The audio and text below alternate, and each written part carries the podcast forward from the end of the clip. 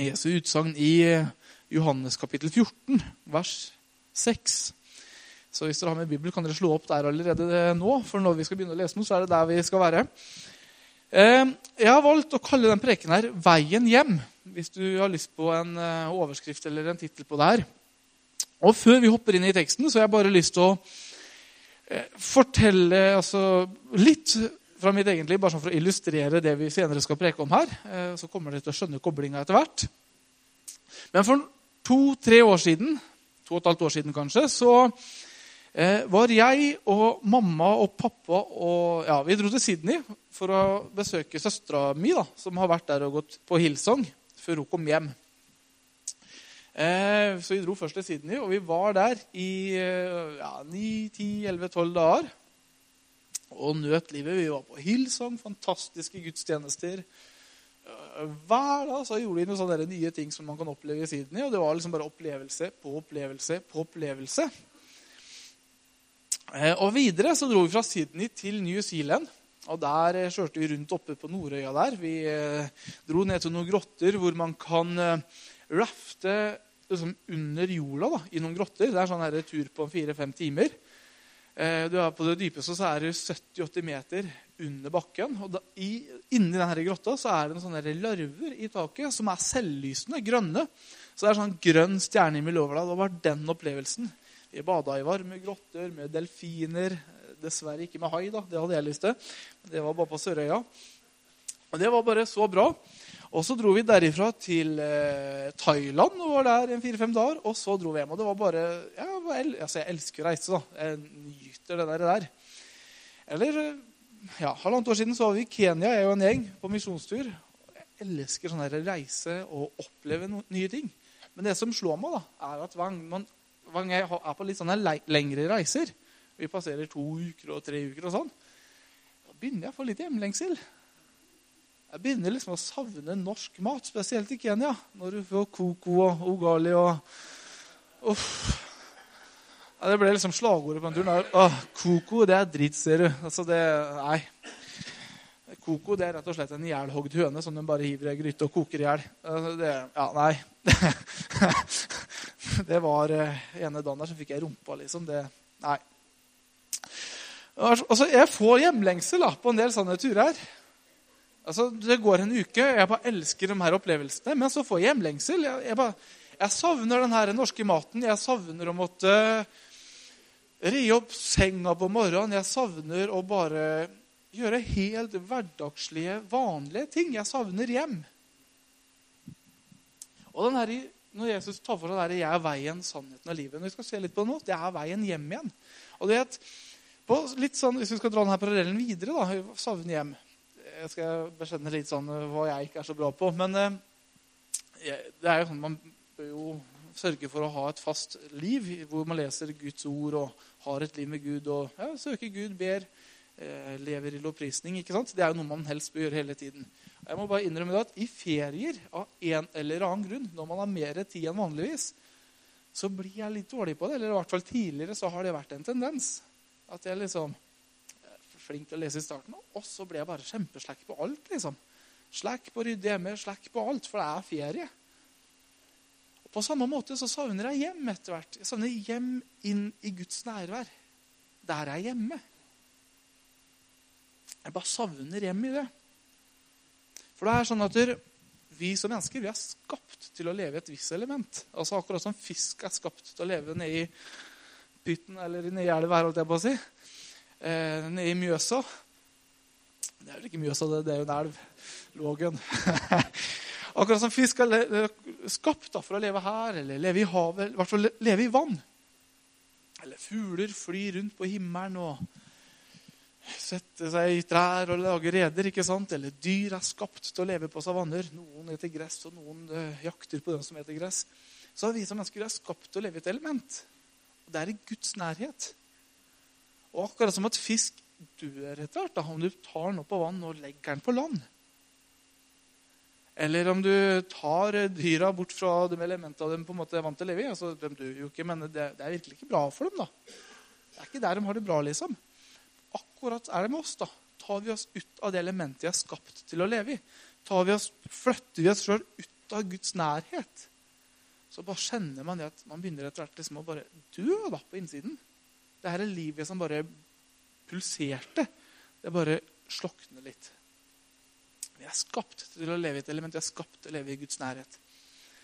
Så prekena i dag den heter 'Veien hjem'. Og Vi kan begynne å lese. Jeg kommer til å ta for meg ett og ett vers. Eh, eller noen og noen vers. Eh, vi skal lese i Johannes kapittel 14 fra vers 1 og til og med 6. I vers 1 så står det La ikke deres hjerter forferdes. Tro på Gud og tro på meg, sier Jesus.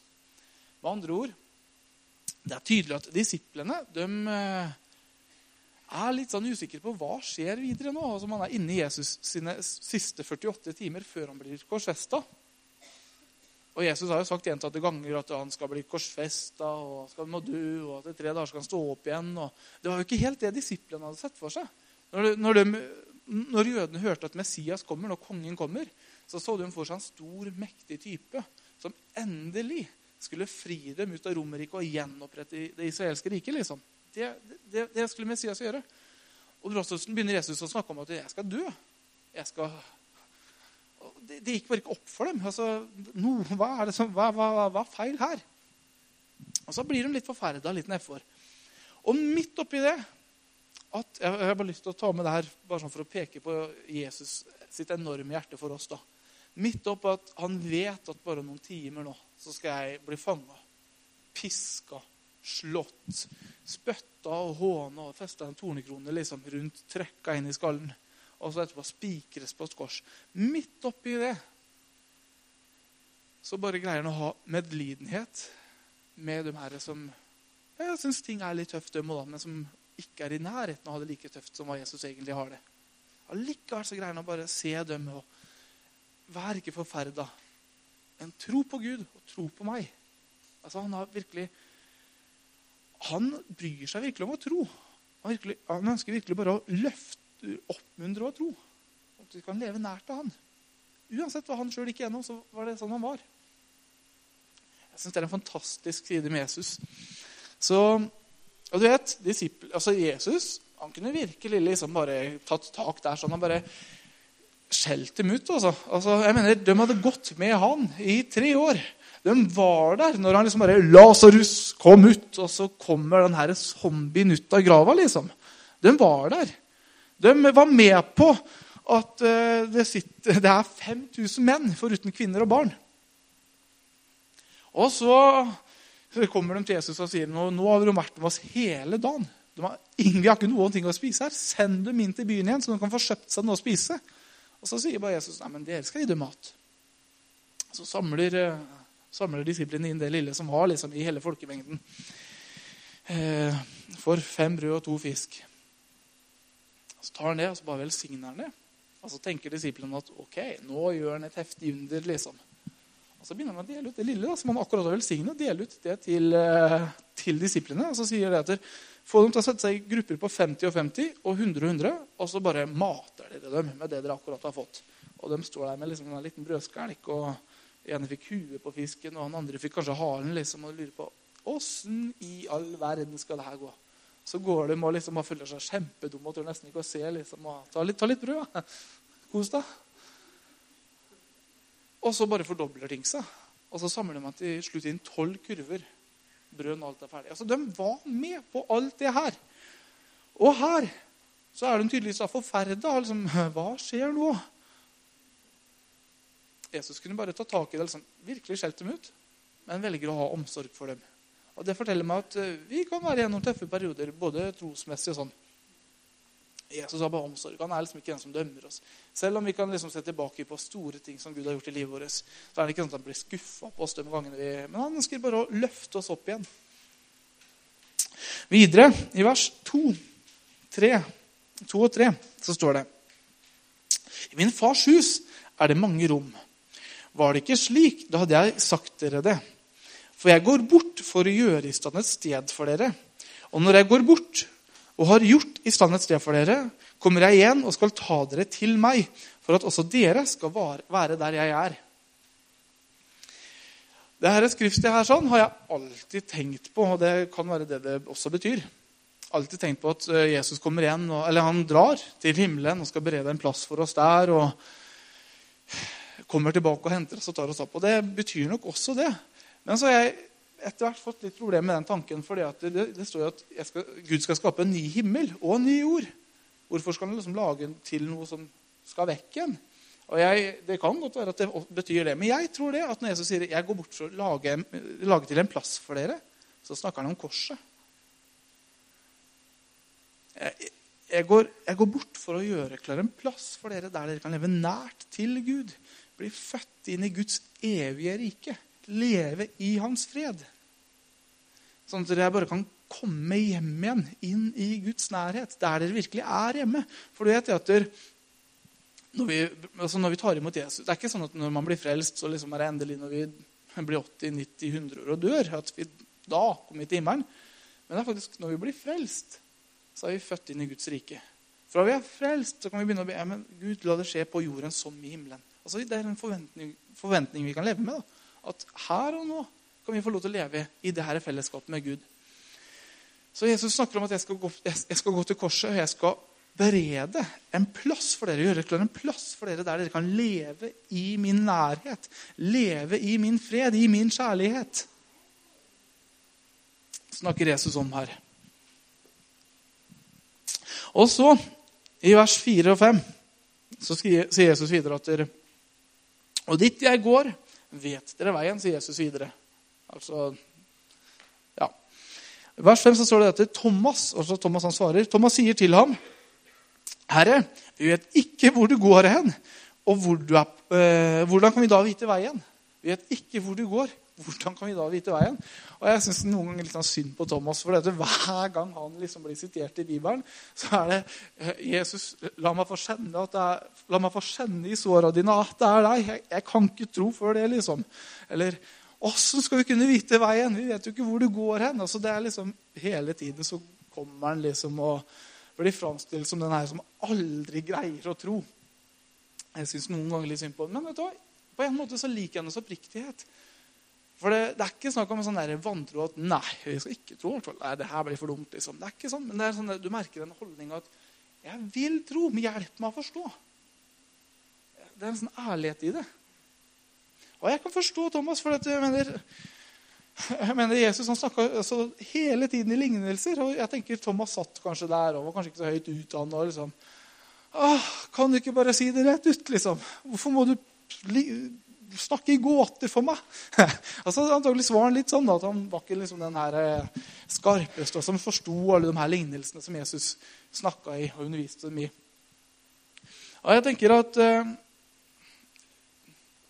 her òg så slår ikke Jesus fingeren av Thomas. Det er liksom ikke 'fy, skamme deg' liksom, som tviler.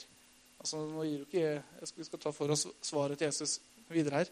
Men det er liksom ikke noe sånn derre ja, 'fy' eller 'skjerp deg' eller sånn. Det er bare et ordentlig svar. Altså Jesus møter oss da med respekt. Han møter oss der vi er, og ønsker å løfte oss opp derfra. Og så har vi kommet til vers 6, det vi skal ta for oss i dag. Og Der står det det.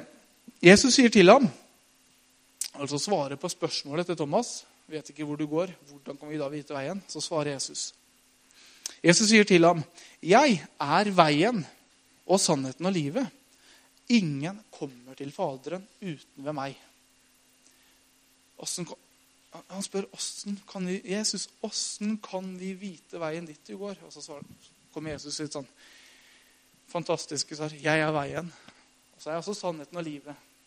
Ingen kommer til Faderen uten meg. Det bare forteller meg igjen at den plassen Jesus skulle berede for oss, det er inn i Guds nærhet, inn i Guds nærvær. Og Om det da betyr at det er en eh, bolig beredt når vi kommer til himmelen, det kan, godt, det, det kan, godt, være. Jeg vet ikke. Jeg er ikke noen teolog, sånn som Niklas og Kjersti. Eh, men det det i hvert fall betyr, er at den plassen han skal berede, det er en plass inn i Guds nærhet. At han skulle bli veien. Og Vi skal ta for oss det først da, at Jesus er veien litt. Det står det i Hebreerbrevet, kapittel 10, vers 19 og 20. Så står det det. Brødre, vi har altså i Jesu blod frimodighet til å gå inn i helligdommen, til den har Eh, til den har han innviet oss eh, en ny og en levende vei gjennom forhenget. Det er hans skjød. Altså Han sier rett og slett at han har innvia oss for en ny og for en levende vei inn forbi forhenget. Altså Jesus, eller Paulus, Forfatteren av hebreerbrevet skriver til jøder her, som var veldig, kunne alt det med forheng og hvor Guds herlighet var. og alt der. Så skriver den etter Jesus har beredt for oss en ny vei inn bak det her forhenget, billedlig talt, hvor Guds herlighet er. Og hans skjød, altså hans skjød, er veien. Er, den kroppen som hangs på korset, det er veien inn. Det er det evige offer. Så han er veien han, inn i Guds nærhet. Han er veien inn i Guds herlighet. Vi kan velge å, så i, i det vi velger å slippe Jesus inn i oss, så blir, går vi også inn i han. Vi sitter sammen med Jesus ved Faderens høyre hånd. Er, våre liv er skjult i Kristus, står det i Kolosserne.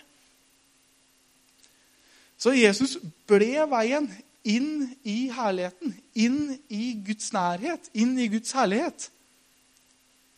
Han er veien. Og med andre ord Alle som er født på nytt, alle som har Jesus i hjertene sine, de er i Guds nærhet hele tiden. Er vi er i Guds herlighet hele tiden. Og så velger man noen ganger å leve i skjødet og la det skjødelige dominere, og så merker vi det ikke. Men når man velger å leve i ånden, så er det det livet som bor i vår, gjenfødt, altså vår ånd, da, som er født på nytt, som får råde og regjere. Og så fylles vi med fred. Derfor alt det vi trenger til, er her. Henger vi med? Så han er veien. Og så er den sannheten. Altså Livet det kan fortelle en sannhet om oss. En, eh, livet kan fortelle en sannhet om meg, og det er at jeg har prolaps i ryggen og jeg eh, ja, skal liksom ha det vondt. Det, det, det, det, er ikke sånn at jeg tror det er liksom var djevelen som kom med prolaps. Eller jeg tror jeg løfta feil jeg, i flere år jeg murra, og da fikk jeg prolaps. Og det er min skyld. Det er så enkelt som det. liksom dum vet du, som liksom ikke skal bøye knærne, men liksom stå rett opp og ned og løfte. Da kan jeg skylde meg sjøl. Det, det, er en sannhet. Men over den sannheten så er Jesus også sannheten. Han er sannheten om vårt liv. Han er sannheten om vår situasjon. Og sannheten om meg i Jesus er at i hans år så har jeg fått legedom. Og Så kan jeg velge hva vil jeg ta et tema. Liksom skal jeg, å, det kommer til å ha vondt til jeg dør. liksom. Eller så kan jeg bare velge å takke når jeg kjenner smerte der. At, men vet du hva? Takk, Jesus, at i dine sår så har jeg fått legedom. I deg så har jeg alt det jeg trenger. Og på en eller annen merkelig måte så kjenner jeg at jeg blir bedre. vet du. Litt sånn sidespor, men jeg må bare ta det her. Når jeg fikk prolaps, så jeg eh, så ble det, det gjorde det sinnssykt vondt. Så jeg lå jo i senga i eh, Ja, eller jeg lå ikke sengeliggende, liksom, men eh, det var liksom for å komme seg ut av senga og inn og ja, foran TV-en. Og så gjorde det vondt å sitte, så da måtte jeg opp og stå litt. Og så måtte jeg sitte litt igjen. så det var bare helt fælt. liksom. Og sånn var det i to-tre måneder. Og det er klart, midt oppe i når ting er mørkt, da, så er det vanskelig å holde fast på de her Guds sannheter. Det er veldig lett å stå og proklamere det når du ikke trenger det. Og liksom Sånn er det. liksom. Men når du er midt i det, da er det litt tøffere. Uh, en ting er å si det, men noe annet er liksom å virkelig være fullt overbevist om at sånn her er det, når du står midt i det sjøl. Og så snakka jeg med en da, eh, om det her. Eh, en venn som har gått bibelskole. Eller gikk på bibelskole da. Og så sier han etter ja, men Andreas, det kan godt være at du ikke har tro for at du våkner frisk i morgen. Men greier du å ha tro for at du er litt bedre i morgen? At du blir bitte litt bedre når du våkner i morgen? Ja, men det kan jeg tro Gud for. Så jeg la meg på kvelden og takk Gud at når jeg våkner i morgen, så er jeg bitte litt bedre i ryggen enn hva jeg var når jeg la meg. Og jeg syns jeg kunne merke en bitte liten forskjell. Men det gjorde jeg jo neste kveld òg. Og over tid, altså i løpet av fire-fem uker, så hadde jeg jo ikke merkbart vondt i det hele tatt. Det er så mye enklere å ha tro for små ting enn store ting. Selv om det er like overnaturlig. Da. Det er jo ikke naturlig liksom, hvis du tar for deg liksom, andre eh, sånne ekstreme sykdommer. Det er jo ikke helbredelse i seg sjøl. Det er jo overnaturlig. Men menneskelig sett så er det enklere å ha tro for de her små tinga. Og det var det jeg valgte å gjøre. Og det Det hjalp meg. Så han er sannheten om våre liv, enten hva djevelen kommer til å si om oss, eller hva livet sier om oss. Han er sannheten. Og når vi begynner å snakke om det her at Jesus er sannheten, så er vi nødt til å ha med et skriftet som står i Johannes 8, 32. Jeg kan egentlig bare lese det for dere. Der står det dere skal kjenne sannheten, og sannheten skal frigjøre dere. Dere skal kjenne sannheten, og sannheten skal frigjøre dere. Og da har det her en dobbel betydning. Altså Hvis man går og på en måte tror på løgn, så handler man etter det, men så får man vite sannheten om situasjonen, og så frigjør det oss i vårt tankesinn, eller tankeliv, og så begynner man å handle annerledes. ikke sant? Det en... Men det betyr også at vi skal kjenne Han som er sannheten, altså Jesus. Og det frigjør oss. Men det er sånn at kun den sannhet vi kjenner, setter oss fri. Og i Jesus så er det mange sannheter.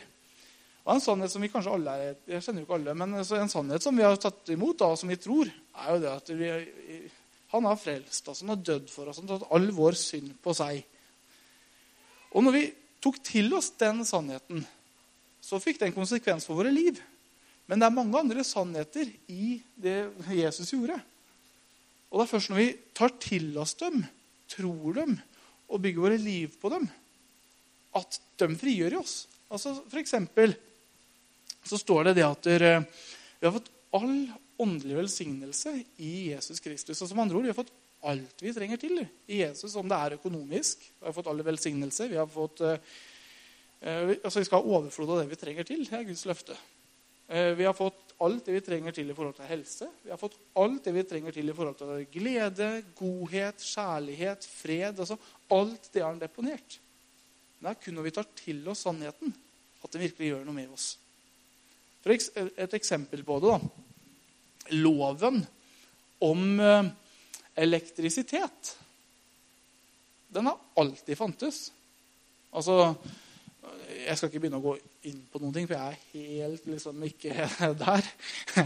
Det er ikke mitt felt. Men det jeg vet, da, prinsippene som gjør at man liksom eh, på en eller annen måte får samla opp strøm, og man eh, får det gjennom ledninger og inn i lyspæra, og så blir det lys, liksom. Prinsippet har jo alltid vært det samme.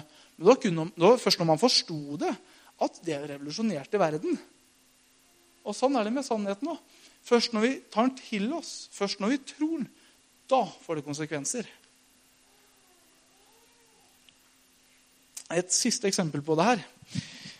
Eh, William Spursen, altså en predikant fra Storbritannia som levde på slutten av 1800-tallet og utover 1900-tallet. Eh, kjent som predikantenes pastor eller sånn. Var liksom hans tilnavn. da. En gang så ble han tilkalt til en syk dame som lå på sykehus. Og hun ligger der på dødsleiet. Altså det er liksom, ja, Hun er døende, da. Og Grunnen til at hun tilkalte tilkalt pastoren, det er liksom at hun vil at han har noen å snakke med og bli bedt for. Men så er det sånn at hun kan ikke lese. Hun har hatt et skriv som hun har fått av en dame. Det, det skrivet har hun hatt ganske lenge. Veldig lenge. Og han kommer jo dit, og han ber for henne, han snakker med henne, oppmuntrer henne og sånn. Og så tar eh, William etter hvert og får det her skrivet og leser det liksom for seg sjøl før han leser det høyt for henne. Og blir bare sjokkert liksom, og sier at vet du, jeg, skal, jeg kommer tilbake, og da kommer jeg med advokat.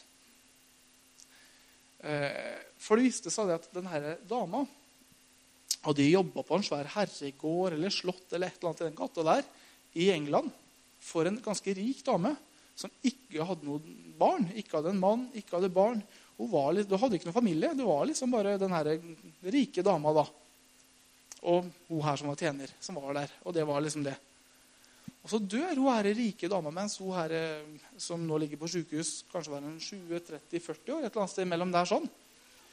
Så hun testamenterer alt hun eier, til den her ja, tjenestepika som ikke egentlig i utgangspunktet har noen ting. Og, det, og etter at hun dør, så får hun ja, det egentlig fattige dama da, det her testamentet. uten at noen leser det forholdet. Du har liksom bare her, liksom. Fordi ja, du har jo ikke noe verdi. Og hun visste jo ikke hva det var, så hun bare tok det med seg. Ja. Jobba og slet og levde et langt liv, liksom. Og ligger på dødsleiet for å vite at du er god for millioner. liksom. Det er et gods som tilhører deg. Altså, Én ting er å eie noe, men du får, du får, ikke brukt det før du skjønner at det her er faktisk mitt. Det her gjelder faktisk meg. Og sånn er det med sannhetene i Guds ord. Sånn er det med sannheten i Jesus også, og de sidene som er i han. Og Jeg har lyst til å bare ta for meg én, for det er mange sannheter om Jesus. Da. Han gjorde fantastisk mye på korset. Det er én ting som jeg egentlig kjente litt på for det møtet her. sånn. Og det er at Jesus han er den eneste sanne rettferdighet og rettferdiggjørelse. Altså, vi mennesker, når vi kommer til Gud, det er helt menneskelig. Så, og I forhold til at vi skal rettferdiggjøre oss overfor Gud og liksom sånn. Vi føler jo ofte at Åh, nå er jeg ikke så bra. liksom, Åssen kan jeg be nå? Hvorfor skal Gud høre på meg nå når jeg synda i går? Det er helt, Sånn tenker vi mennesker. Og, og noen, noen, ganger når vi har bra perioder, så kan vi liksom rettferdiggjøre, rettferdiggjøre oss med at å yes, jeg er så glad at jeg ikke er så dårlig som han. liksom, Eller jeg er ikke så dårlig som hun. Litt sånn som uh, fariseerne. Takk Gud at jeg ikke er sånn som han. Eller takk Gud at jeg ikke er sånn som hun. Står der og liksom løfter seg opp. Vi, når det går bra for oss, så får vi noen ganger litt sånn holdning. Og når det ikke går så bra, så trykker vi oss sjøl ned og tenker hvorfor skal Gud høre på meg nå? Men det er faktisk sånn at ingenting av det der rettferd... altså, Vi er ikke rettferdiggjort i egne gjerninger. Jesus er den eneste sanne rettferdighet. Det vil si at om jeg skulle finne på å gjøre noe kjempedumt i dag, så er jeg fortsatt rettferdiggjort pga. det Jesus gjorde. Om jeg kommer til å leve fantastisk bra i dag, så er jeg fortsatt rettferdiggjort pga. det Jesus gjorde. Jeg har ikke noe ære for Gud i egne handlinger. Jeg har liksom ikke noe sånn der, jeg får ikke noe favør hos Gud fordi, at jeg lever bra. Det er liksom ikke sånn at 'Å, Gud, nå har jeg vært så flink. Kan du helbrede meg?' Eller, altså, det, sånn, det funker bare ikke sånn. Gud elsker oss sånn fordi at vi er hans barn. Og vi er rettferdiggjort i Kristus. Uansett hvor mye galt vi gjør, så ser Jesus, nei, Gud oss gjennom Jesus Kristus. Han ser oss rene. Han, han ser oss rettferdige. Og det som gjør da, at vi på grunn av når vi synder, kommer på avstand, det er jo det at vi sjøl fordømmer oss sjøl. Tenker åh, hvorfor skal Gud høre på meg nå? Å, så dårlig jeg er. Og så trykker man seg ned. Og så gjør det at man beveger seg ut av Guds nærhet. Men Jesus han er den eneste sanne som rettferdiggjør. Det er kun én rettferdighet, og det er i Jesus Kristus. Det betyr at det, det fins ingen fordømmelse for den som er i Kristus. Vi, vi, trenger ikke å trykke oss ned de gangene vi går feil. Det er tilgitt. Det er til og med glemt. All min gamle synd er tilgitt. All min nåværende synd er tilgitt. Men også all min framtidige synd er allerede tilgitt. Og da kan du si åssen i all verden kan du si det? Fordi all synd var framtidig når Jesus døde på korset. All min synd var fremtidig for Jesus når han døde. Men allikevel så fikk jeg tilgivelse der. Og så er ikke det en oppmuntring til at ja, da kan vi leve som vi vil. For Det er grunnen til at Gud vil at vi skal holde oss unna synd og ikke leve i synd. Det er fordi at vi sjøl tar skade på vår sjel av det. Vi tar skade av det. Og Gud som uh, vår far da, vil liksom ikke at vi som hans barn skal billedlig legge hånda på stekeplata eller uh, trykke armen inn i peisen mens det brenner der, eller kaste oss utfor et stup. Eller, han vil liksom ikke det, da. Men det er ikke fordi han blir sur på oss når vi feiler. eller liksom blir skuffa. Det er fordi han bryr seg om oss. Og så er det sånn, står det i Bibelen at når synden blir fullmoden, så høster den død. Når man lever i synd og lever i den her at man hele tida fordømmer seg sjøl, så begynner man å leve vekk fra det, Guds nærhet. Og så begynner man etter hvert å få tvilstanker. Og så kan det føre til at man i det lange løp faller fra. Man mister troa. Så det er jo ikke bra. Men vi er ikke rettferdiggjort for at vi lever rett. Henger dere med på det? Så Jesus er den eneste sanne rettferdighet. Han er den eneste sanne rettferdiggjører. Vi er rettferdiggjort i Han. Og jeg bare håper, hvis du sitter her og trykker deg ned, tenker på ting som ligger bak, at du bare én gang for alle kan bare Nei, men vet du hva? Jeg skal ikke fordømme, jeg skal ikke trykke meg sjøl mer enn ned for det her. Det ødela en gang. Altså, Der og da så gjorde det mye skade i livet mitt. Men det skal ikke få gjøre mer skade. Det gjorde nok skade den gang. Nå er jeg ferdig med det der. Nå går jeg videre. Gud holder det ikke mot meg. Hvorfor skal jeg?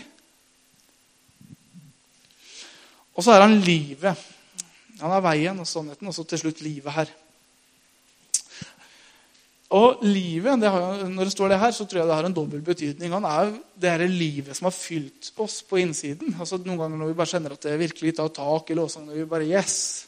Det blir sånn her, eh, Det virkelig tar tak. da. Det her er livet, eller som Jesus sier, da, strømmer av levende vann som veller ut fra vårt indre, som han beskriver det. Eh, han er det livet. Men jeg tror også at han er sjølve altså det livet vi lever, er han. Det vil si at når det gjelder altså det økonomiske, så er han så Han er livet. Jeg kan bare bygge mitt liv på han. Det vil si at jeg trenger ikke å prøve å finne ut av ting sjøl. Hvordan skal jeg liksom få dem endene til å møtes? eller sånn. Jeg kan gå til verdens beste økonom og spørre hva tenker du om det her, Jesus. Nei, men det var dumt. Jeg kommer med mye dumme forslag noen ganger. Eller hva tenker du om det her? Altså, uansett hvilket område av livet. altså jeg tenker, til, Nå er jeg akkurat nygift. og jeg, ja, Det er jo helt annerledes å leve så tett innpå et menneske sånn 24-7. liksom. Og i forhold til, Jeg trenger ikke å finne ut av den veien sjøl. Jesus er jo den perfekte ektemann. Den perfekte brudgom. Og så jeg mener, Det blir jo ikke bedre enn han. For all del, involver på de livets områder. Han er livet.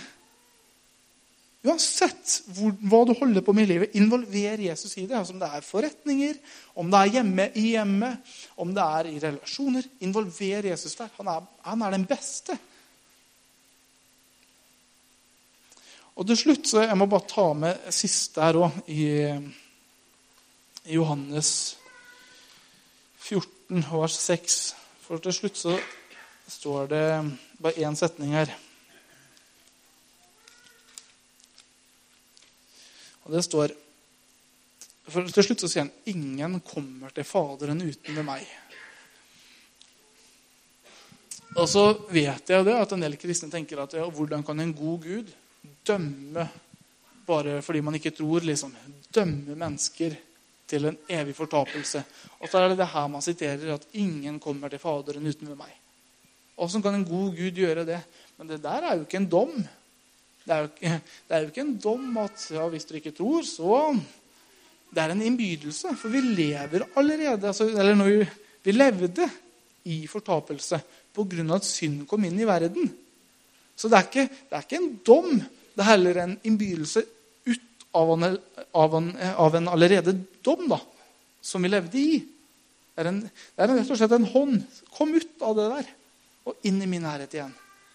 For Jesus han er veien hjem. Hjem inn i Guds nærhet. Hjem i Guds nærvær, der vi hører til.